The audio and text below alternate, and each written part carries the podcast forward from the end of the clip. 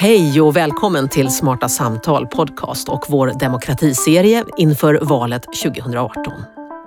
Jag heter Helena Blomqvist. Jag är journalist och jag är med i Smarta Samtals programråd. Den här gången har vi bjudit in ett antal personer från olika arenor i samhället som var och en under ungefär tio minuter på egen hand bidrar med sina perspektiv och personliga funderingar kring demokrati. De publicerades vart och ett i veckan före valet och här har vi samlat dem alla i en följd. Och serien inleds med ett samtal med demokratiminister Alice Bah Kuhnke. Varmt välkommen hit. Tack så mycket. Mandatperioden går mot sitt slut. Hur har din syn på demokrati förändrats under de här fyra åren? Det är ju väldigt mycket som har förändrats eh, i Sverige och i vår omvärld, vilket gör att demokratins spelregler så tydligt eh, sätts på prov. Demokratin ifrågasätts på ett sätt som inte var lika vanligt förekommande för fyra år sedan och ännu mindre vanligt förekommande för 10 eller 15 eller 20 år sedan. Um, för det är ju så att demokrati och vår demokrati är ju så mycket mer än allmänna val var fjärde år och att det är mer än rättsstaten och de fria medierna. Demokratin bärs ju upp av att vi människor har tillit till den, har förtroende för den. Och med all uppenbar tydlighet så är det ju fler idag än för bara fyra år sedan som har bristande tillit till vår demokrati, som ifrågasätter till exempel mediernas oberoende. Och vad tänker du kring det? Vad drar du för slutsatser när du konstaterar det? Jag drar många slutsatser eh, och som jag då ju har haft förmånen att konkretisera i arbeten och uppdrag till myndigheter och organisationer. Bland annat att vi måste med kraft eh, försvara den, främja den och förankra den. Bland annat genom att stärka det svenska föreningslivet som ju är plattformar för människors eh, kanalisering av engagemang. Allt för många människor i vårt land idag och särskilt allvarligt allt för många unga människor i vårt land idag känner inte att de har en plattform för att kanalisera sina idéer eller viljor. Många vet inte vart man ska vända sig eller vilka möjligheter som ju vår demokrati faktiskt erbjuder oss alla. Och därför har vi investerat eh, relativt mycket pengar och kraft i att just eh, informera och kunskapa kring alla de här fördelarna och alla de här förutsättningarna som faktiskt finns lokalt. Och samtidigt kan man ju säga att det finns mer arenor än någonsin ja. att uttrycka vad man tycker och tänker. Och då tänker jag förstås på den digitala utvecklingen och alla möjligheter som finns i och med den. Mm. Ja, och så är det ju. De tekniska framgångarna och den tekniska utvecklingen är ju och har varit fantastisk och erbjuder ju oss precis som du säger, enorma möjligheter till att ge uttryck för idéer och möta andra med liknande idéer och till och med sätta saker och ting i, i gungning och i verket och verkligen åstadkomma förändring. Och samtidigt, å andra sidan, så har ju den tekniska utvecklingen också hjälpt till eller varit ett underlag för att kunna sprida hat, slå split, eh, föra fram medveten desinformation. Eh, det är ju verktyg också för antidemokratiska krafter som vi ju idag vet är ett hot mot vår demokrati. Och vad är receptet för att det då ska bli det, det som... Det är mycket som många tycker att det är ju de krafterna som håller på att ta över, uttrycker en del det som. Nej, det skriver jag inte under på. Mm. De antidemokratiska krafterna ska ju tas på absolut allvar och det är de utgör ett hot. Men de har ju inte på något sätt tagit över. Men det vi behöver göra, vi demokrater, vi behöver ju mota dem och bryta ner dessa krafter som vill förgöra och förstöra. Och det gör vi ju genom att bygga tillit och det kan man göra på väldigt många olika sätt. Det är ju inte ett verktyg utan vi behöver ju använda en hel verktygslåda. Och det består ju alltifrån att föreningslivet får resurser som gör att de kan samla människor som faktiskt kan få känna på och se i konkreta handlingar att de kan påverka till exempel att man bygger ett, ett ungdomens hus eller att de äldre får möjlighet att eh, gå ut mer på dagarna på äldreboendet och så vidare. Mm. Men det handlar ju också om att vi behöver säkerställa att till exempel journalister kan arbeta och inte hotas till tystnad eller självcensur. Eh, och vi behöver säkerställa att eh, lokalpolitiker eh, orkar bära det förtroendeuppdrag de har fått och så vidare och så vidare. Vi tar några händelser som har hänt under de här senaste åren och senast ganska nyligen när nazistiska Nordiska motståndsrörelsen, NMR, fick tillstånd att demonstrera, bland annat i Stockholm. Då, var det många, då blossade det upp en debatt där många ifrågasätter huruvida de borde få demonstrera eller inte. Vad tycker du? Vi har åsiktsfrihet eh, i vårt land. Det betyder att även de mest fruktansvärda åsikter måste vi som demokrater eh, acceptera. Hur hemska de än är. Så människor får eh, hysa nazistiska, förgörande, eh, modiska eh, tankar och åsikter. Ska de också få demonstrera? Ja, det är där, här går ju sen då den tydliga skiljelinjen mellan att man får tycka och tänka vad man vill, men man får inte göra vad man vill. Och därför så har ju polisen ett, ett tydligt uppdrag och mandat att, att ge tillstånd. Vi från Miljöpartiets sida, vi menar att om lagarna inte fungerar, om polisen ju, som uppenbarligen de har gjort, känner sig tvingade att ge nazisterna tillstånd att, att demonstrera utanför en synagoga eller utanför RFSL ungdomslokaler. Då fungerar ju inte lagen för då går ju den enas frihet ut över de andras. Så därför vill vi förändra och arbeta om ordningslagen. Och dessutom så vill vi ju se över eh, hur ett förbud mot nazistisk organisering skulle kunna se ut utan att inskränka på våra grundlagar. Mm, och vilket, vilka andra organisationer skulle kunna förbjudas i så fall? Om man förbjuder den så finns det ju andra som inte är nazistiska kanske då men som har Precis. andra eh, problematiska saker. Ja, och det är det här som blir så svårt och därför måste vi utreda den frågan oerhört noggrant. Mm. Eh, därför att det finns ju en risk eh, som ju många delar att om vi börjar nagga organisationsfriheten i kanten, vem blir det till slut då som inte får organisera sig? Eh, enligt rådande normer om vad som är acceptabelt och inte. Så det här behöver redas ut ordentligt innan man sätter en sån lag i verket. Mm. En annan händelse fick stor uppmärksamhet, metoo. Eh, många tycker att det var en demokratisk rörelse. Vad tycker du? Ja, att människor organiserar sig och sluter upp. Denna gången på ett fascinerande sätt eftersom det verkligen också skedde digitalt och med en hashtag. Det är ju en, en absolut en demokratisk rörelse.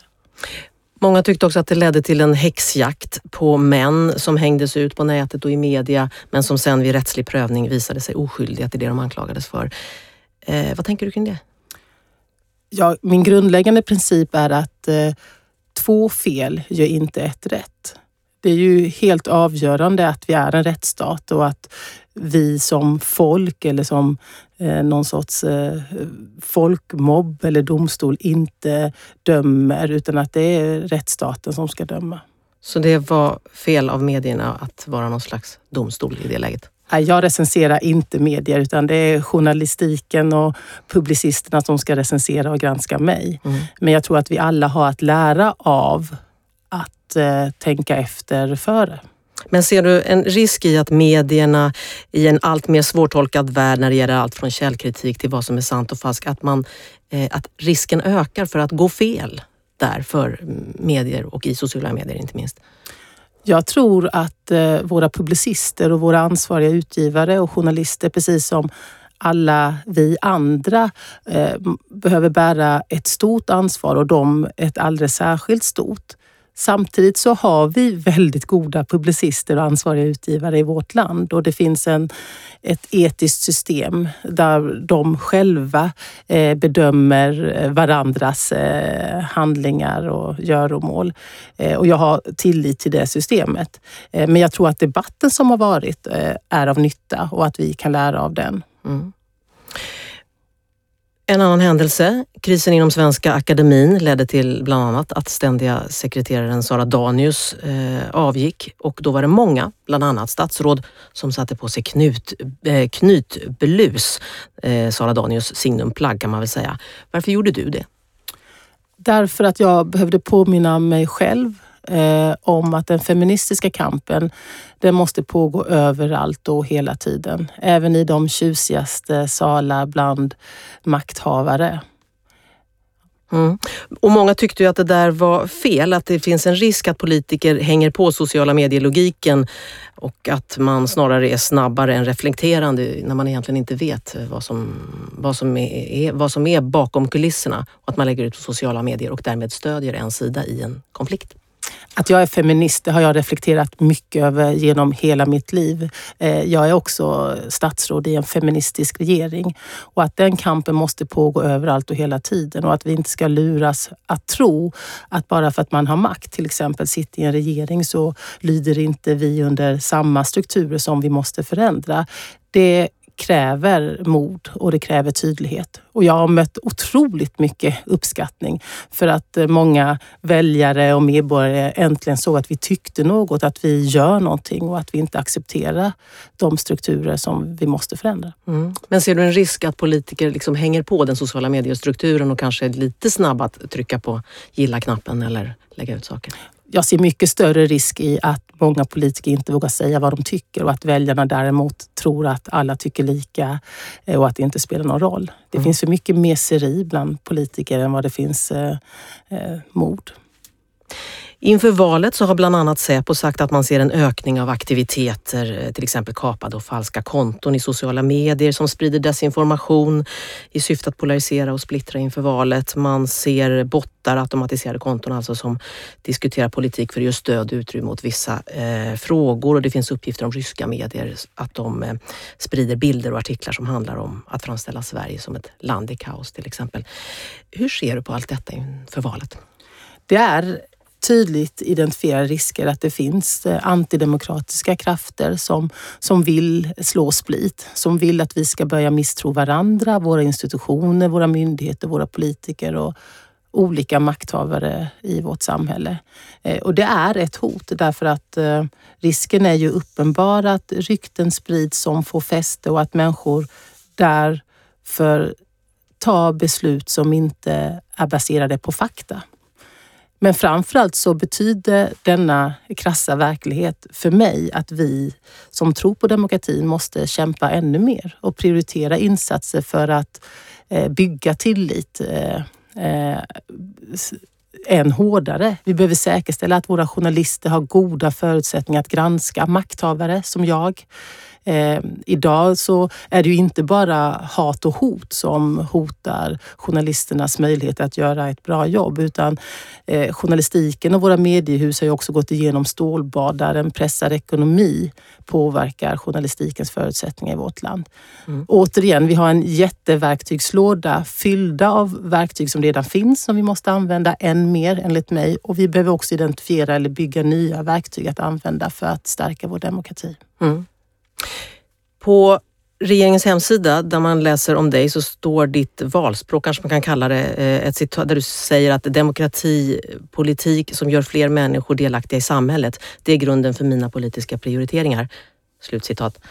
Um, hur har det gått med de där ambitionerna tycker du? Vad har gått bra, vad har gått dåligt? Kort, kort sammanfattning av dig själv då. det som har gått bra är ju att vi har idag jämfört med för fyra år sedan många fler pågående insatser för att främja, försvara och förankra vår demokrati. Det som jag absolut är långt ifrån nöjd med, det är ju att eh, verkligheten talar ju för att vi behöver göra ännu mer. Eh, så jag, eh, jag är ju glad för det som är gjort, men jag är ju inte på något sätt nöjd. Mm. Så vad ska nästa demokratiminister göra?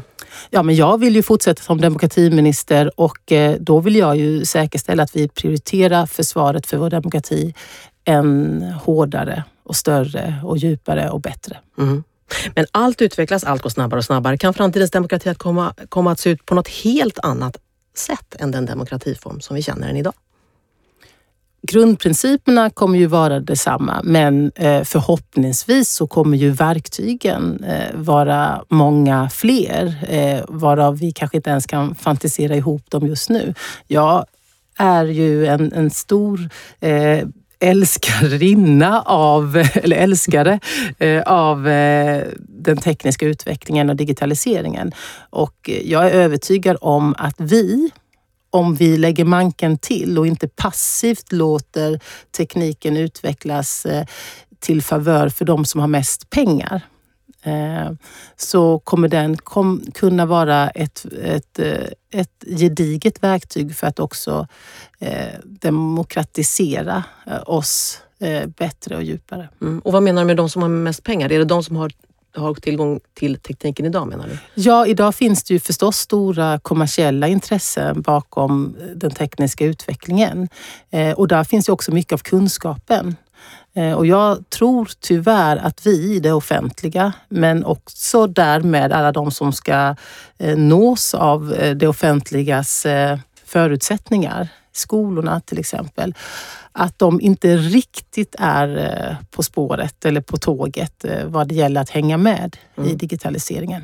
Vi behöver göra väldigt mycket mer. Okej, okay, kort sista frågan bara. Hur ser vår demokrati ut om, säg 20 år? Jag är en urbota optimist, så den eh, tuffar på på ett alldeles strålande vis då. Som den ser ut idag? Eh, ännu bättre. Okej. Okay. Alice Bah Kuhnke, kulturminister och demokratiminister. Tack för att du var med oss. Tack så mycket. I vår serie Smarta samtal podcast om demokrati har turen nu kommit till Lisa Lindström, grundare och VD Dobermann. Demokrati, folkstyre, medbestämmande.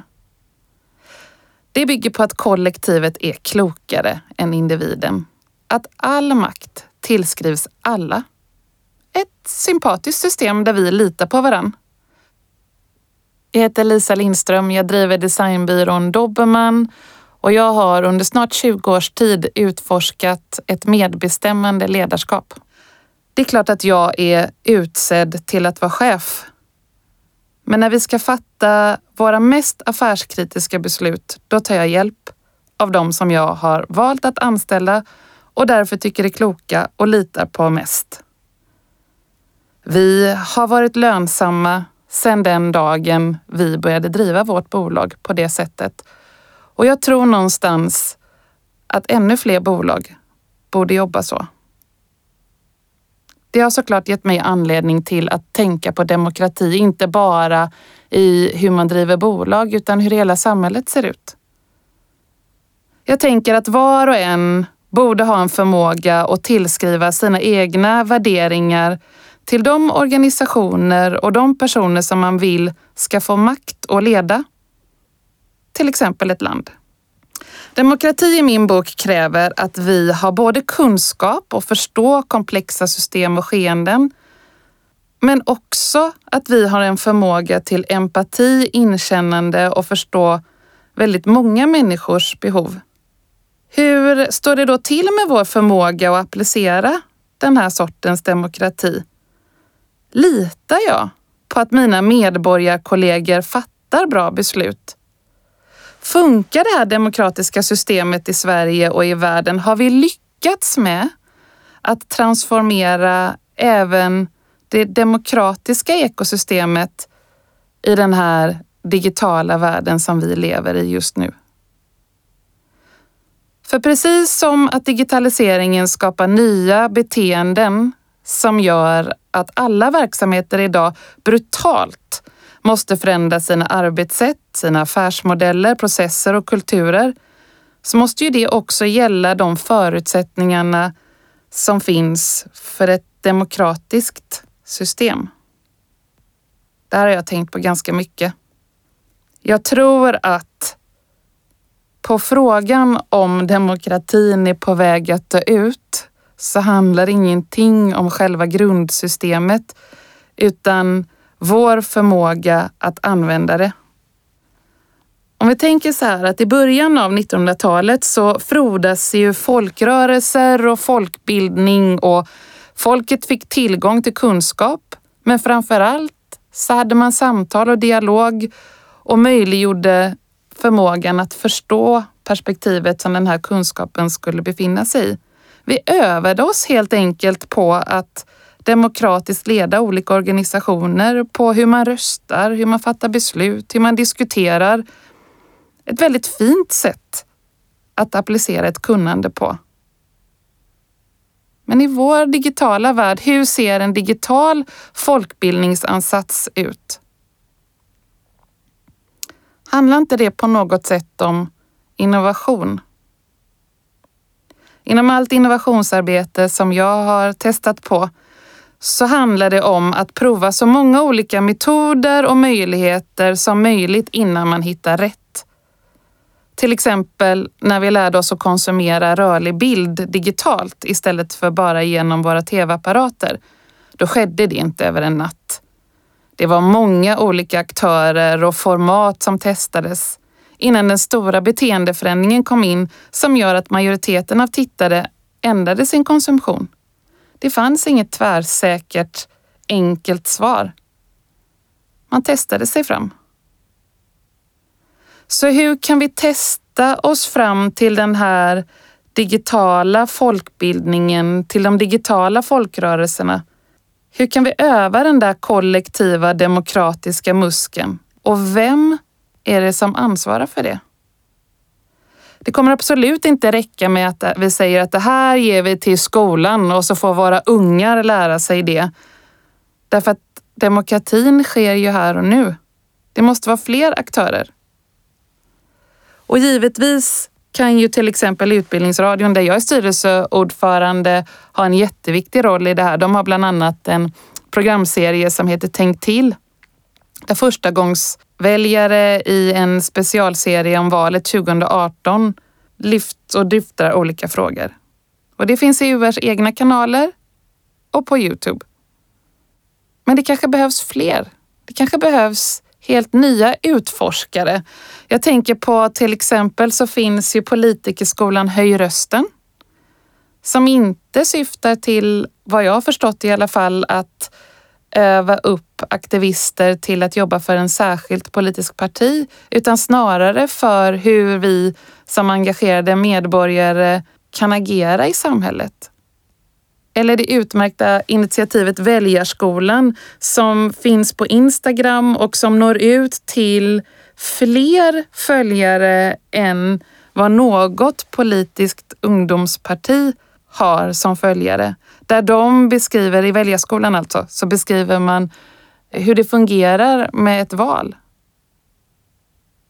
Det där kanske är några av de metoder och sätt som utforskas just nu som inte är svaret på hur vi digitalt folkbildar utan snarare är små embryon till vad som komma skall. Därför att det räcker inte med att vi säger vi måste öka vår kunskap. Om vi nu tror att kollektivet ska vara smartare än individen. För all kunskap är väl på något sätt ändå social. Den måste göras begriplig i något sammanhang. Och då måste vi ju skapa de där sammanhangen där vi kan ha den här typen av dialog. Och många av oss känner oss nog lite rädda för att en del av de där sammanhangen byggs av plattformar som ägs av stora kommersiella techjättar. Är det dem vi ska låta vara rummet för den digitala folkbildningsansatsen? Kan vi lita på att deras intentioner är likställda med ett demokratiskt samhälle? Kan vi lita på att de hanterar den data de samlar in på ett korrekt vis? Är vi säkra på att många olika aspekter och synpunkter delas där? Vem är det som ska ta ansvar för den här digitala folkbildningen? Och hela den här sommaren så har jag säkert som många andra känt av alla de här mörka strömningarna och hot och grupper som sprider livsfarliga sanningar i filterbubblor långt utanför min egen. Jag har förfärats över banala budskap om att klimatet inte är i kris och känt in hoten mot demokratin. Om vi inte kan lita på plattformarna där vi diskuterar viktiga frågor, om vi kanske inte heller jämt ens kan lita på människorna, finns det något hopp då? Jag vill tro det. Jag vill tro att vi har en svacka i demokratin just nu och att vi faktiskt kan öva upp förmågan till att kollektivt bli klokare än individen igen. Kanske kan du i ett samtal lyfta och problematisera en fråga som du egentligen har tröttnat på, men du orkar ta det ett varv till. Kanske ser du till att ha en demokratitimme på jobbet där människor får prata om samhällsfrågor och ni sätter dem i ett sammanhang utifrån var ni som bolag befinner er. Kanske kan du se till att bjuda in en person på middag nästa gång som inte tycker som du. För att öva på det här samtalet, den där friktionen som så väl krävs för att vi ska få empati för varandra och känna in olika perspektiv. Kanske är det så att vägen till en förnyad digital demokrati helt enkelt handlar om att vi måste orka, vi måste testa och vi måste öva. Det sa Dobermans VD Lisa Lindström. I Smarta samtal Demokrati special har turen nu kommit till ärkebiskop Antje Jackelén. Erövra ditt medborgarskap. Jag behöver väl inte erövra mitt medborgarskap, säger du kanske. Jag har det ju sedan födseln, eller sedan jag fick bevis om det från Migrationsverket. Det framgår ju klart av passet. Här ska inte erövras något. Men medborgarskapet är större än passet. Det har att göra med hur vi ser vår egen roll i samspel med andra, medborgare. Vi har fått vänja oss vid att i allt fler relationer bli betraktade som kunder eller konsumenter snarare än som medborgare. För något år sedan upptäckte jag att det på en svensk kommuns hemsida talades om kommuninvånarna som våra kunder. Demokrati bygger på medborgare, inte på kunder. Demokrati byggs och utövas av medborgare tillsammans. Den är ingen konsumtionsartikel.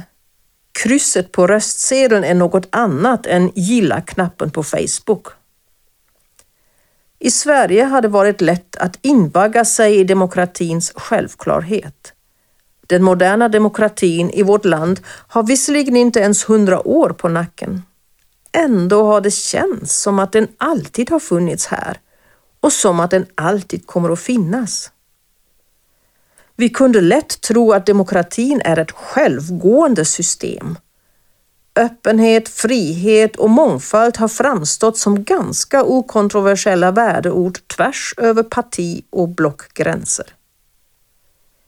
Vi har vaknat upp till en annan värld. Nu vet vi bättre.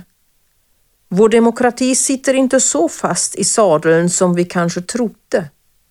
Det finns risk för angrepp både utifrån och inifrån.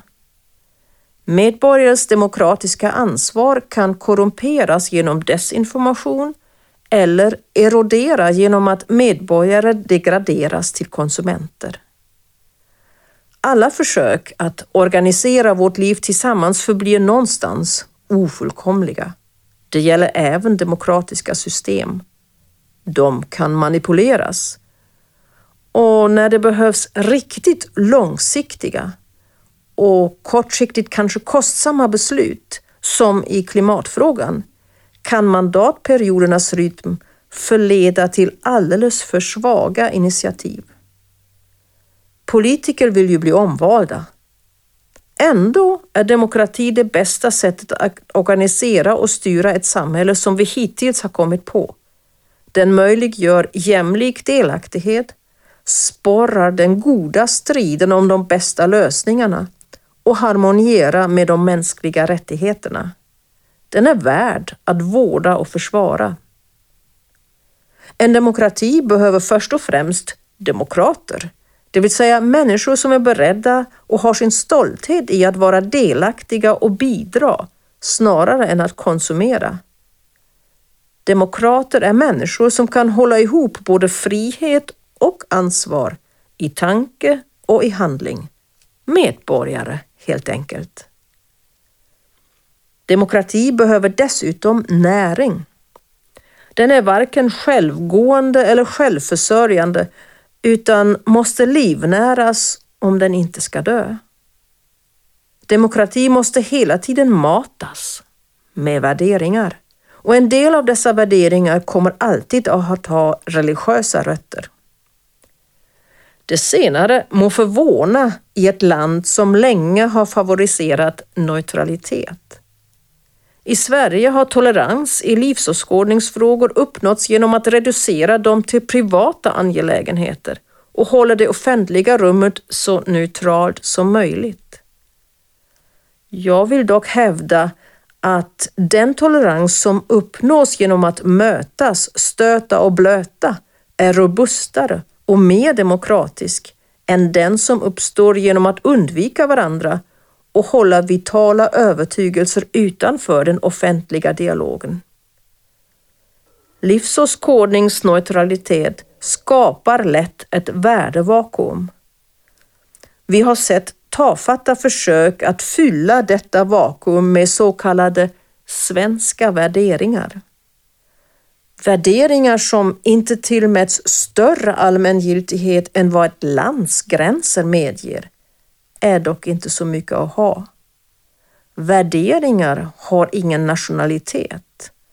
Däremot har de djupa livsåskådningsmässiga och religiösa rötter. Det gäller frågan om människans värdighet, ofta förkortat till människovärde, likväl som den allmänt accepterade gyllene regeln. En av domarna vid Tysklands författningsdomstol, Ernst Wolfgang Böckenförde, formulerade på 1960-talet en tes som är fortsatt aktuell. Han påstod att den frihetliga, sekulära staten lever på förutsättningar som den själv inte kan garantera. En frihetlig demokratisk stad kan endast bestå när den ger sina medborgare friheten att själva reglera denna frihet. Det vill säga att reglera den utifrån den egna moraliska kompassen. Staten i sig ska och kan inte skapa individens inre normsystem. Det skulle bara vara möjligt genom tvång, auktoritär lagstiftning och maximal övervakning, vilket skulle säga emot själva idén om en frihetlig demokratisk stat. Det skulle betyda att staten berövar sig själv sin frihetlighet och företräder ett totalitetsanspråk. Och totalitetsanspråk och demokrati går inte ihop. Såväl teokrati som hundraprocentig sekularism är omöjliga i en demokratisk stat. Därför, erövra förutom ditt medborgarskap också visheten i de stora idé och trostraditionerna.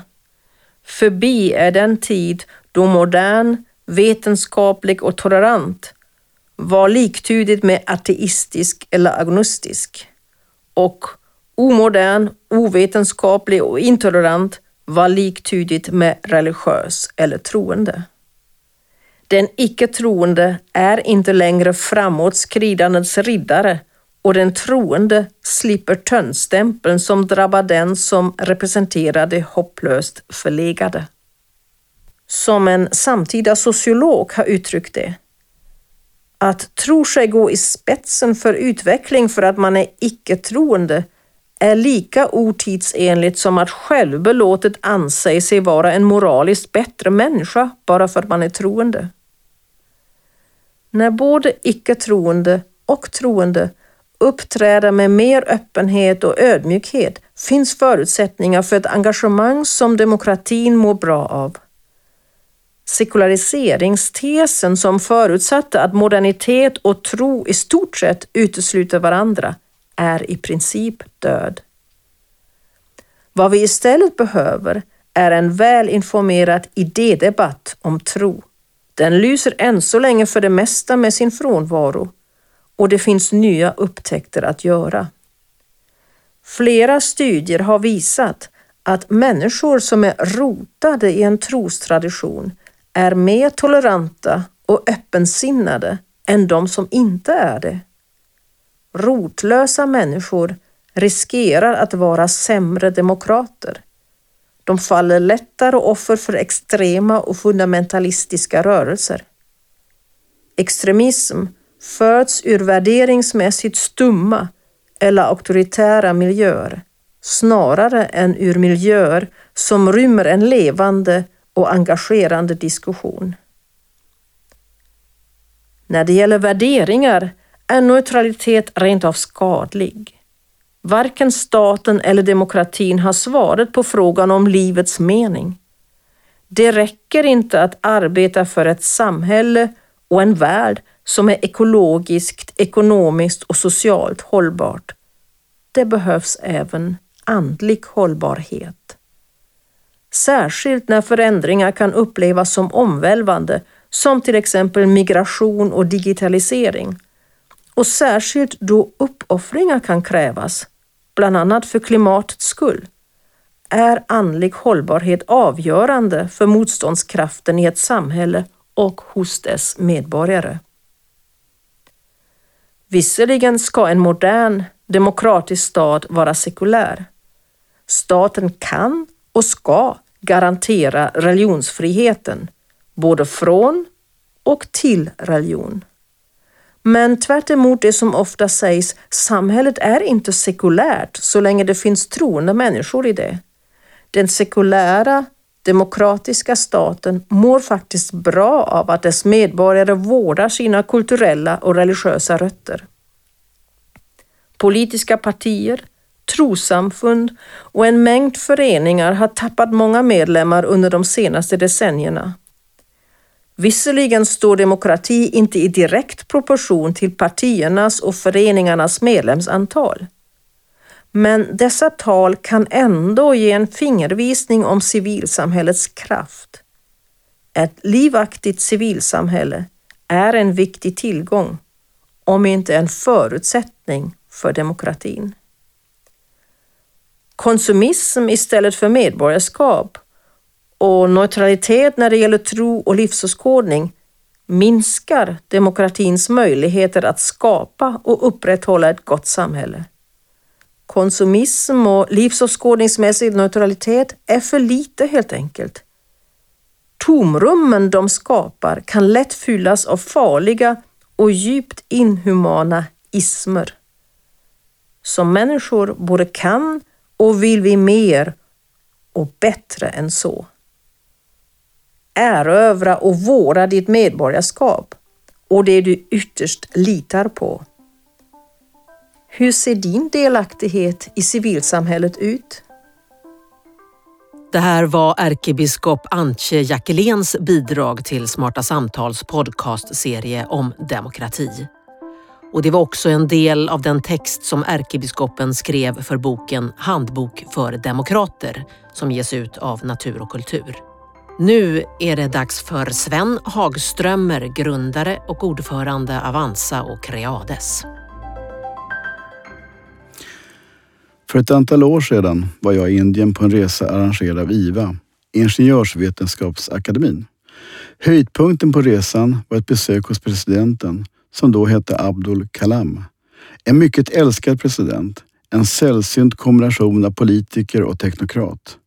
Han var ansvarig för Indiens kärnkraft och kärnvapenprogram. Kalam var muslim. Det vill säga en muslim var ledare i världens största demokrati. Det stämmer ju illa med våra fördomar. Det hade kommit på min lott att presentera presidenten för gruppen. Jag tyckte då att en jämförelse mellan de två folkrikaste staterna på vårt klot vore spännande. Kina med cirka 1,3 miljarder invånare. En kapitalistisk enpartistat som då långsiktigt växte med cirka 10 procent om året. Indien, en kapitalistisk demokrati med 1,2 miljarder invånare, växte med cirka 8 procent om året. Det vill säga på ovetenskapliga grunder skulle man kunna hävda att demokratin kostar 2% om året.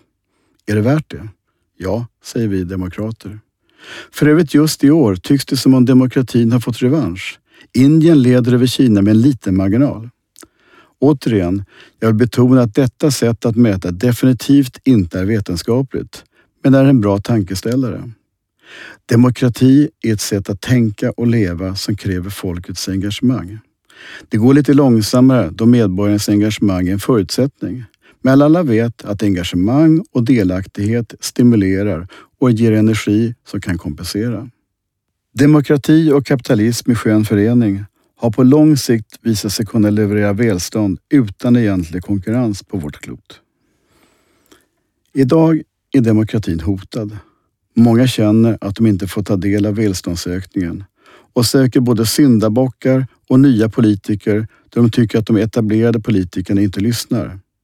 Att politiken inte levererar vad den lovar. SD har varit mycket skickliga på att suga upp det missnöjet. Efter en period som kännetecknats av ett ökande antal medborgare som lever i demokratiska länder märks nu ett trendskifte. Demokratier har i vissa fall blivit autokratier, det vill säga stater utan bland annat den maktdelning som kännetecknar demokratier. Det är en långsam process. Inte som 60 och 70-talens omvälvande militära statskupper. Därför har denna trend inte fått den uppmärksamhet som den förtjänar. En tredjedel av jordens befolkning lever idag i autokratier. I Afrika har läget däremot varit stabilare då demokratin där enligt experterna inte förlorar mark. Vi har som enskilda medborgare blivit skyddade av demokratin. Nu är det dags att vi skyddar demokratin. Demokratin är ingen naturlag utan måste ständigt försvaras och utvecklas. Till demokratin hör både rättigheter och skyldigheter. I näringslivet gäller i viss mån att the winner takes it all. Så icke i en demokrati. En demokrati kännetecknas främst av följande rättigheter. Fria och allmänna val. Maktfördelning mellan den exekutiva, den lagstiftande och den dömande makten. Respekt för oliktänkande.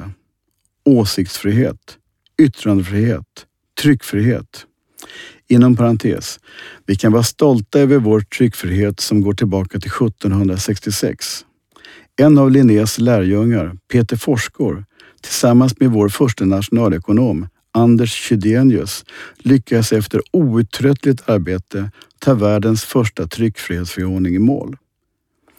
Till demokratins skyldigheter hör att göra sin röst hörd och åsikt hörd. Att lyssna till andra. Att ta ansvar även för minoriteter att utkräva ansvar av de folkvalda. Ett exempel på att minoriteten kommer till tals är just nu inför ett val. Partiernas storlek spelar ingen roll. Alla får ungefär samma plats i media. Detta har till exempel varit en förutsättning för KDs uppryckning nu i spurten som sannolikt leder till att de kommer få stanna i riksdagen. Vi har som sagt val om några dagar. Det är svårt att inte kommentera den pågående valrörelsen. Jag har vid tidigare val föreslagit att man skulle ha en valombudsman som synade vallyften och olika utspel. Något liknande Washington Posts lista på president Trumps lögner. Jag passar nu på att återigen efterlysa denna viktiga funktion. Behovet har definitivt inte minskat. Moderatledaren ville ju ha vuxna samtal i årets debatt. Han överskattade tyvärr både vuxnas vilja och möjligheter till vuxna samtal. Några exempel på detta. Förra valet gick S till val på minskade vårdköer och vårdgarantier då det mycket riktigt insåg att det var avgörande frågor för väljarna. Resultatet av vallöftet har blivit så nedslående att man en dryg vecka innan valet slänger in 3 miljarder för att ta bort vårdköerna trots att man haft fyra år på sig att leverera på det löftet. Resultatet har ju dessutom blivit det motsatta, det vill säga ökande köer och fler som inte får ta del av vårdgarantin. Det anstår inte en statsminister att göra den typen av utspel för att skylla över sina misslyckanden. Vi väljare är faktiskt inte idioter som förlåter allt. Framförallt inte när ytterst gäller våra liv. Vårdköerna har under den innevarande mandatperioden fördubblats från 40 000 till 80 000. Vad gäller vårdgarantin så får du vara mycket lycklig om du tillhör de 4 procent av prostatacancerpatienterna som får vård inom garanterad tid. Har du magcancer är det 22 procent som får vård inom garantitiden. Ni kan ju bara gissa vad dessa patienter tycker om vallöften. När statsministern grillades i tv om just dessa siffror såg han ut som han ville återinföra sommarens grillförbud. Författaren Lena Andersson skrev i DN häromdagen om sitt eget sätt att tackla vårdkrisen. Hon vill inte ha vård som människa. Nej, hon vill ha vård som hund eller travhäst. De tyckte att den vården var mer mänsklig och effektiv. Hon efterlyste till och med någon som ville tjäna pengar på hennes lidande så att hon fick den uppmärksamhet och den vård hon förtjänade. Inte som rosad författare utan som vanlig medborgare. Ja, egentligen är detta för allvarliga saker att skämta om. Men hon hade ju själv upplevt den vård hon kritiserade. För henne var det blodigt allvar. När vi köper en ny bil får vi en garanti på två år. Gud nåde den som fuskar med det och inte levererar. Om vi fortsätter att använda prostatacancerpatienter som jämförelse skulle bilgarantins två år krympa ihop till en knapp månad, det vill säga 4 procent av två år. På tal om djurhälsa så var min 86-åriga svärmor inne i djuraffären häromdagen för att köpa en kanariefågel. Expediten upplyste dem att det är förbjudet att ha en ensam fågel i bur då det enligt lag inte får leva ensamma. Det vill säga det är straffbart. Hur många pensionärer lever inte sitt liv i värre isolering än kanariefåglar? Ett annat exempel på när politiken går fel är det snart avslutade bygget av nya Karolinska sjukhuset. Knappast ett exempel på en transparent demokrati där medborgarna får veta vad det kostar, om det är värt pengarna. Det är genom duktiga journalisters arbete som vi fått lite information. Man undrar ju om ens ansvariga politiker vet vad bygget har kostat och vad driften kommer att kosta. Jag som ekonom har till exempel mycket svårt att förstå varför upplåningen för att finansiera projektet som ytterst ska drivas av landstinget gjordes privat. Där går många viktiga miljoner i onödiga räntor då landstinget har en bättre kreditvärdighet än en privat låntagare. Det är alltså landstinget skulle betala en lägre ränta än vad ett privat bolag gör. Pengar som till exempel skulle kunna användas till att förkorta vårdköerna och se till att en garanti är en garanti, inte bara på bilen utan också i vården. Hur fungerar det i näringslivet? Vi väljer ju styrelser varje år. Vi får insyn i företagens ekonomi fyra gånger per år. Det kanske vore dags att förkorta mandatperioderna för att man inte ska lita på väljarnas dåliga minne för att bli omvald. Direktdemokrati enligt schweizisk modell kanske också vore något att fundera på. Med sociala medier har demokratin fått mycket kraftfulla verktyg. Tyvärr verkar det dock som om demokratins fiender varit väl så duktiga som anhängarna på att använda dessa medier. Ja, som ni hör finns det dåliga exempel på bägge sidor om mitten i svensk politik. Som optimist tror jag att den insikten om demokratins tillkortakommande kanske utgör fröet till en mer effektiv demokrati, medborgarna till nytta. För några år sedan talade alla på aktiemarknaden om aktieägarvärde. Varför inte istället låta medborgarvärde bli det nya slagordet? Tack för att du lyssnade och glöm inte att rösta på söndag. Det är din demokratiska skyldighet. Tack Sven Hagströmer, grundare och ordförande Avanza och Creades. Nu ska vi lyssna till Sara Masri, ledamot organisationen Fler unga. Jag heter Sara Masri och är 18 år gammal. Jag har precis börjat trean på Lars-Erik Larsson gymnasiet i Lund, samhäll med musikinriktning. Utöver det sitter jag i styrelsen för Fler unga som är en ideell partipolitiskt obunden organisation. Som förstagångsväljare så här mitt i valrörelsens peak så funderar jag en hel del på vad det här valet kommer betyda för mig och min generations framtid.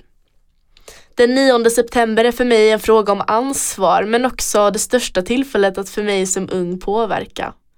Jag är själv en sån där politiknörd som i princip räknar dagarna fram till valet. Äntligen kommer jag få stå i ett eget bås istället för att bara följa med mina föräldrar att rösta.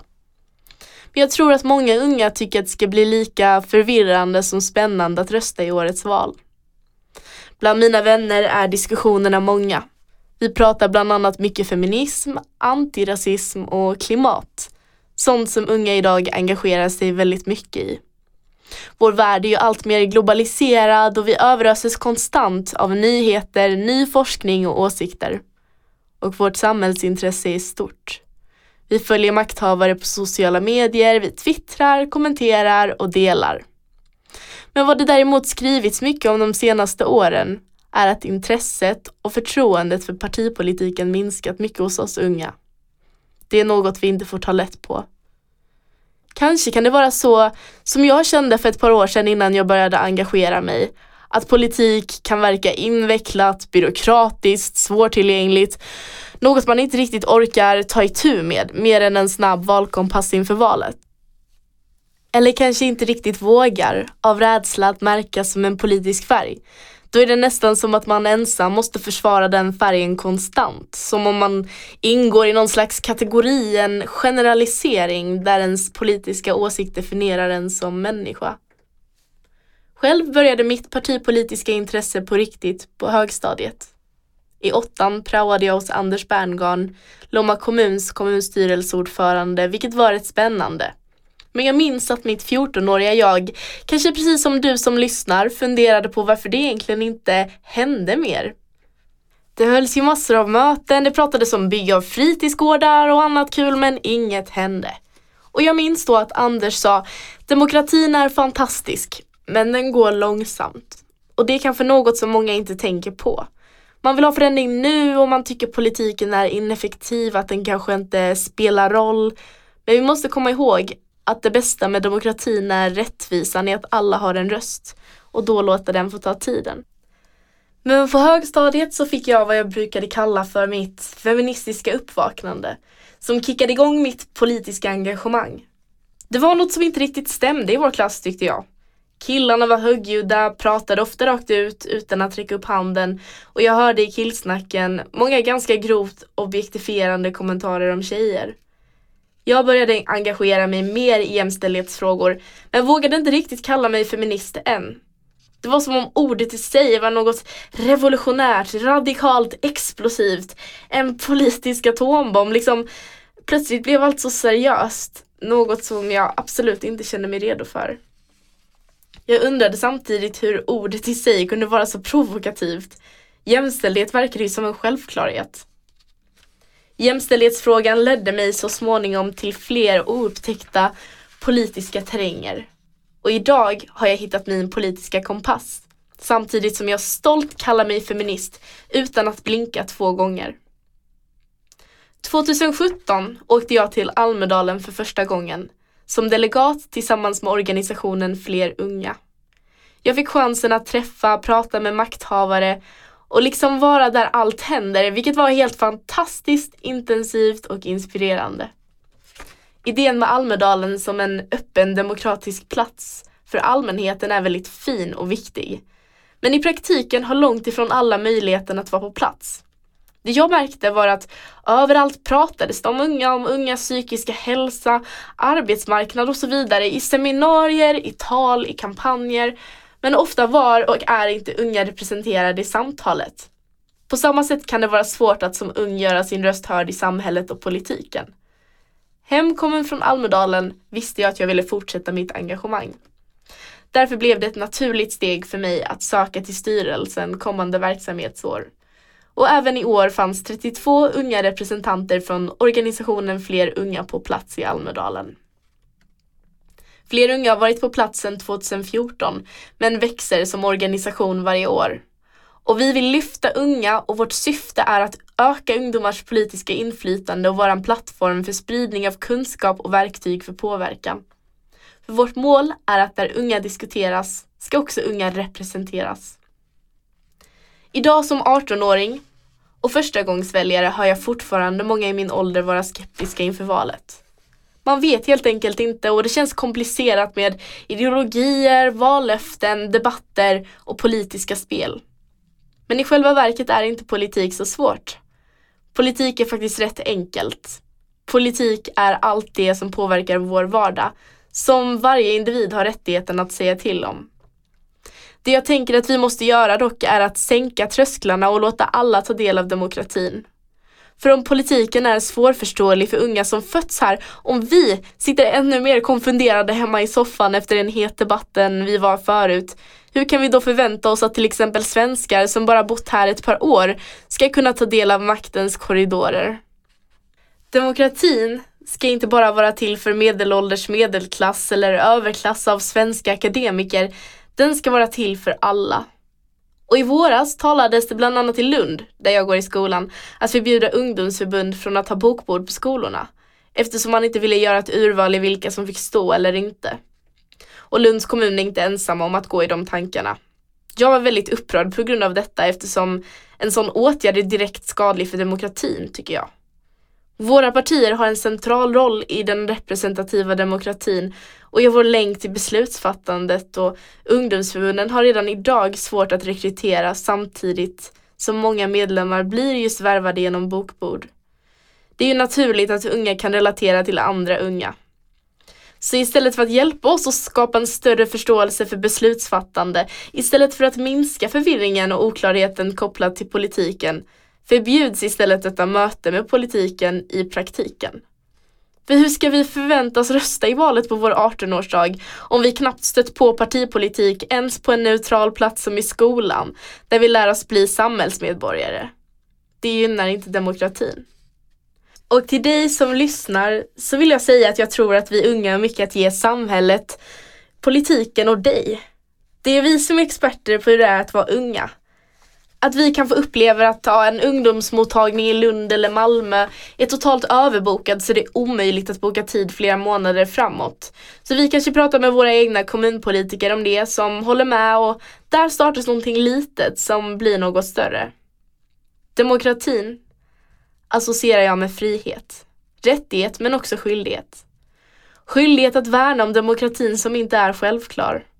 Att många unga, ofta tjejer, tystas från debatter på sociala medier efter hat och hot på nätet är jätteallvarligt. Och det jag också känt är att det finns en slags fördom om att näthat är ett tonårsproblem. Att det är just tonåringar som näthatar andra tonåringar. Att det är där problemet ligger och att ja, men det går att lösa bara vi sätter in någon liten temadag i skolan om näthat eller ser en film om nätmobbning. Men det vi ofta glömmer är liksom att Lars 55 kan också skicka dödshot till 13-åriga opinionsbildare utan större eftertänk eller egentliga konsekvenser. Det är bland annat den nackdelen sociala medier medför. Samtidigt ger sociala medier oss så mycket möjligheter. Speciellt vi som unga får chansen att påverka och nå makthavare som vi annars kan ha svårt att nå. För det är vår plattform, vår expertis. Vi kan bli lyssnade på på ett helt annat sätt.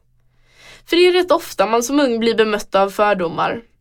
Nu senast var jag i en politisk diskussion med några vuxna och när argumenten tog slut kom kommentaren Alltså det märks att du är förstagångsväljare. Du kommer nog tänka annorlunda sen.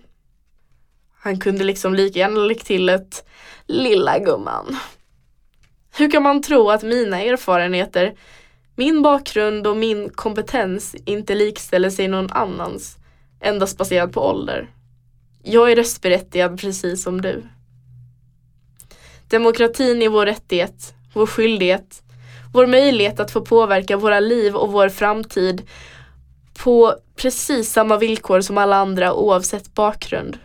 Men den får aldrig bli något vi tar för givet. Den 9 september är viktigaste dagen för vårt samhälle.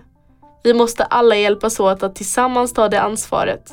Och vi måste hjälpas åt, såväl politiker som privatpersoner, att inte se förbi förstagångsväljare. För vår röst är trots allt lika mycket värd. Du har hört Sara Masri, ledamot i organisationen Fler unga. Sist ut i vår demokrati specialserie har vi Patrik Oksanen, ledarskribent Mittmedia.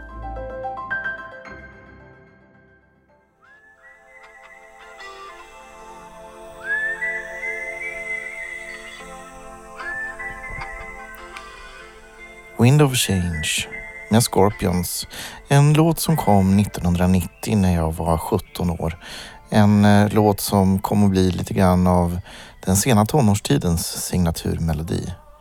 En eh, sång om förändringens vindar som drar igenom Europa och världen som förebådar Sovjetunionens fall, kommunismens fall, friheten och att den skulle bli en bättre värld efter ett långt kallt krig. En eh, sång som också gav, banade vägen för det vi idag kanske lite, lite ironiskt och lite elakt kallar för den eviga fredens paradigm. Då vi liksom Francis Fukuyama trodde på slutet av historien. Eh, idag lever vi i en annan tid där friheten rullar tillbaka, där Wind of Change blåser nu åt motsatt håll. Eh, och jag tänker ganska ofta på den här sången med vemod och sorg kring hur saker och ting blev jämfört med när man var 17 år. En sak som fick mig att engagera mig mer och reagera starkt, det var det som hände i februari 2014 när Ryssland gick in på Krimhalvön. Och eh, jag insåg att vi hade ett krig i Europa, ett annat slags krig än vad vi kanske förknippar med krig. Och att nu skulle inte någonting längre bli sig likt.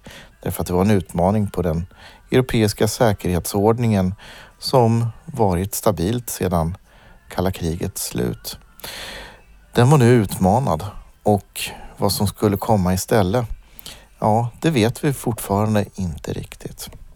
Men eh, det som banade vägen då för Krimockupationen och det Ryssland gjorde, det var också en rad olika manövrar i informationsarenan. Ett informationskrig. Och det här har jag då grottat mig i och dess betydelse kring vad det kan leda till för, för vår demokrati också. Och en del av slutsatserna och reflektionerna under de här åren sedan Krim har jag samlat i en bok som heter Skarpa skärvor som kom ut här i juli på Bertil Olin förlag. Jag ska läsa nu ett eh, utdrag ur kapitel 1 i boken. Det var här mitt intresse för att förstå mekanismerna bakom vad som sker i vår tid väcktes på allvar. Som EU-bloggare kom jag att följa händelserna i vår märkliga tid. Högerextremister från Europaparlamentet reste tillsammans med grekiska nystalinister från Vänsterpartiets partigrupp till Krim för att agera valobservatörer i den riggade folkomröstningen som anslöt halvön till Ryssland. Den moderna Ribbentrop-Molotov-pakten mellan kommunister och nazister, välsignad av ryska federationen, kom ut från vallokalerna och påstod att allt hade gått rätt till. Trots att ockupationen var ett brott mot internationell rätt. När ett batteri vid den 53 luftvärnsbrigaden från Kursk tog fel på ett ukrainskt transportflygplan och det malaysiska passagerarplanet MH17 sommaren 2014 tryckte den ryska propagandaapparaten på full gas. Händelsen skulle suddas ut i en storm av vilda och fabricerade teorier. En av dessa falska historier, att ett ukrainskt jaktplan skulle ha skjutit ner MH17, tog sig till och med in i Dagens Nyheter som gjorde en rewrite av en artikel om ett anonymt ögonvittne i den regimtrogna tidningen Komsomolskaja Pravda. Detta var bara ett av många journalistiska haverier. Hösten 2014 började svensk politik stöka till sig med parlamentarisk röra och hot om extraval medan allt fler länder började rapportera om nättroll och otillbörlig påverkan. Stormen började skönjas vid horisonten. Och här någonstans började tankarna på att någon gång i framtiden tvingas konfrontera ett barns frågor som Pappa, där på mitten av 2010-talet hade ni ju alla möjligheter i världen att lösa allt det som gick fel sen. Vad gjorde du då? Ja, att svara att jag satt på läktaren och inte gjorde någonting var inte längre ett alternativ. Inte efter att ha svurit hemma i soffan i februari 2014 över vad min förra arbetsgivare inte gjorde. För det fanns saker som behövde sägas. Det gör jag nu efter att ha ägnat otaliga timmar åt resor till europeiska huvudstäder, besök i de sociala mediernas djupaste och brutalaste skyttegravar samt åt långa samtal med några av de mest begåvade samtidsanalytikerna inom journalistik, psykologiskt försvar, digitalisering, säkerhetspolitik, demokrati, terrorism och Ryssland. Många gånger är det som att ha en rysk docka. Ja, ni vet, för varje jag öppnar kommer en ny och en ny och en ny och en, ja, en ny. Jag gör det för att i framtiden kunna säga att jag gjorde vad jag kunde. Och jag berättar därför nu vad som håller på att hända. Vi i den västerländska liberala demokratin förlorar just nu vi förlorar striden för att vi inte förstår den. Vi förlorar striden om vad som är sant och falskt. Vi förlorar striden mot hatet och ilskan. Vi förlorar striden för att vi inte förmår att möta det vi inte förstår, för att vi inte förstår vad som är sant och falskt. Och vi för att vi är överrumplade av hatet och ilskan som piskas upp i en, som vredgat havsskum mot ett fartyg med slitna segel.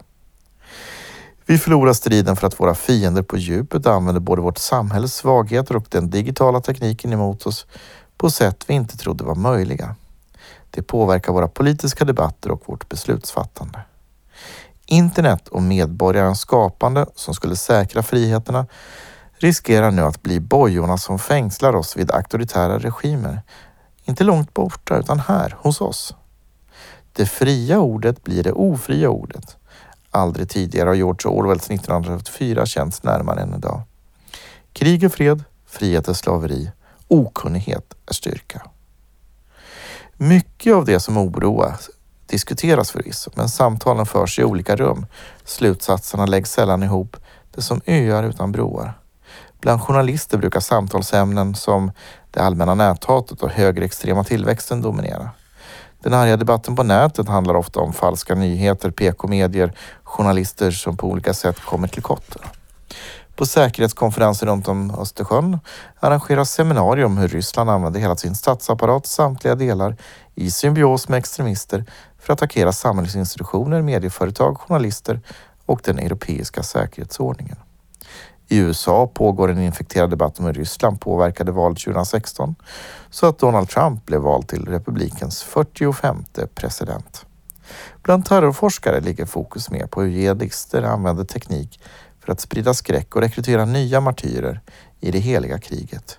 Och när nätexperterna möts, då är det algoritmer, internetbubblor, nätverksjättarnas ansvar och förvaltande av internets globala struktur som är samtalsämnena. Sällan förenas allt detta i ett bredare samtal om vår tid.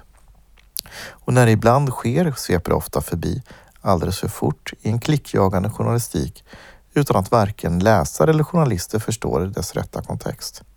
Än mindre tar vi oss tid att stanna upp och försöka se den större bilden. De skarpa skärvornas mosaik. Det här var ett utdrag ur det första kapitlet i Skarpa skärvor, en bok som gavs ut av Bertil Olin förlag i juli 2018. Jag heter Patrik Oksanen. Jag är till vardags politisk redaktör på Hudiksvalls tidning, webbadress helahälsingland.se och ledarskribent i Mittmediakoncernen. Och jag hoppas verkligen att du får med dig tankar och idéer, funderingar och ett behov av att prata med din omgivning om de här frågorna. För att det behövs verkligen. Ett samtal om demokratin som når brett och djupt. Det behövs för att vi ska kunna stå emot de förändringsvindar som nu blåser för att få en dag när de blåser åt andra hållet. Den rätta wind of change. För demokratin, för det öppna samhället och för friheten. Tack för att du har varit med oss så här långt och lyssnat. Och jag hoppas att vi hörs och ses igen. Du har hört Patrik Oksanen, ledarskribent Mittmedia. Och han är sist ut i Smarta Samtals podcastserie om demokrati inför valet 2018. Nästa Smarta Samtal på scenen på Playhouse Teater i Stockholm är 8 oktober. Då om hur Sverige kan bli bättre på artificiell intelligens. Med Marcus Wallenberg, ordförande SEB och ledamot i Saab. Claudia Olsson, VD Exponential. Amy Lutfi, professor Örebro universitet och Mikael Damberg, närings och innovationsminister. Mer information finns på www.smartasamtal.se. Hej så länge!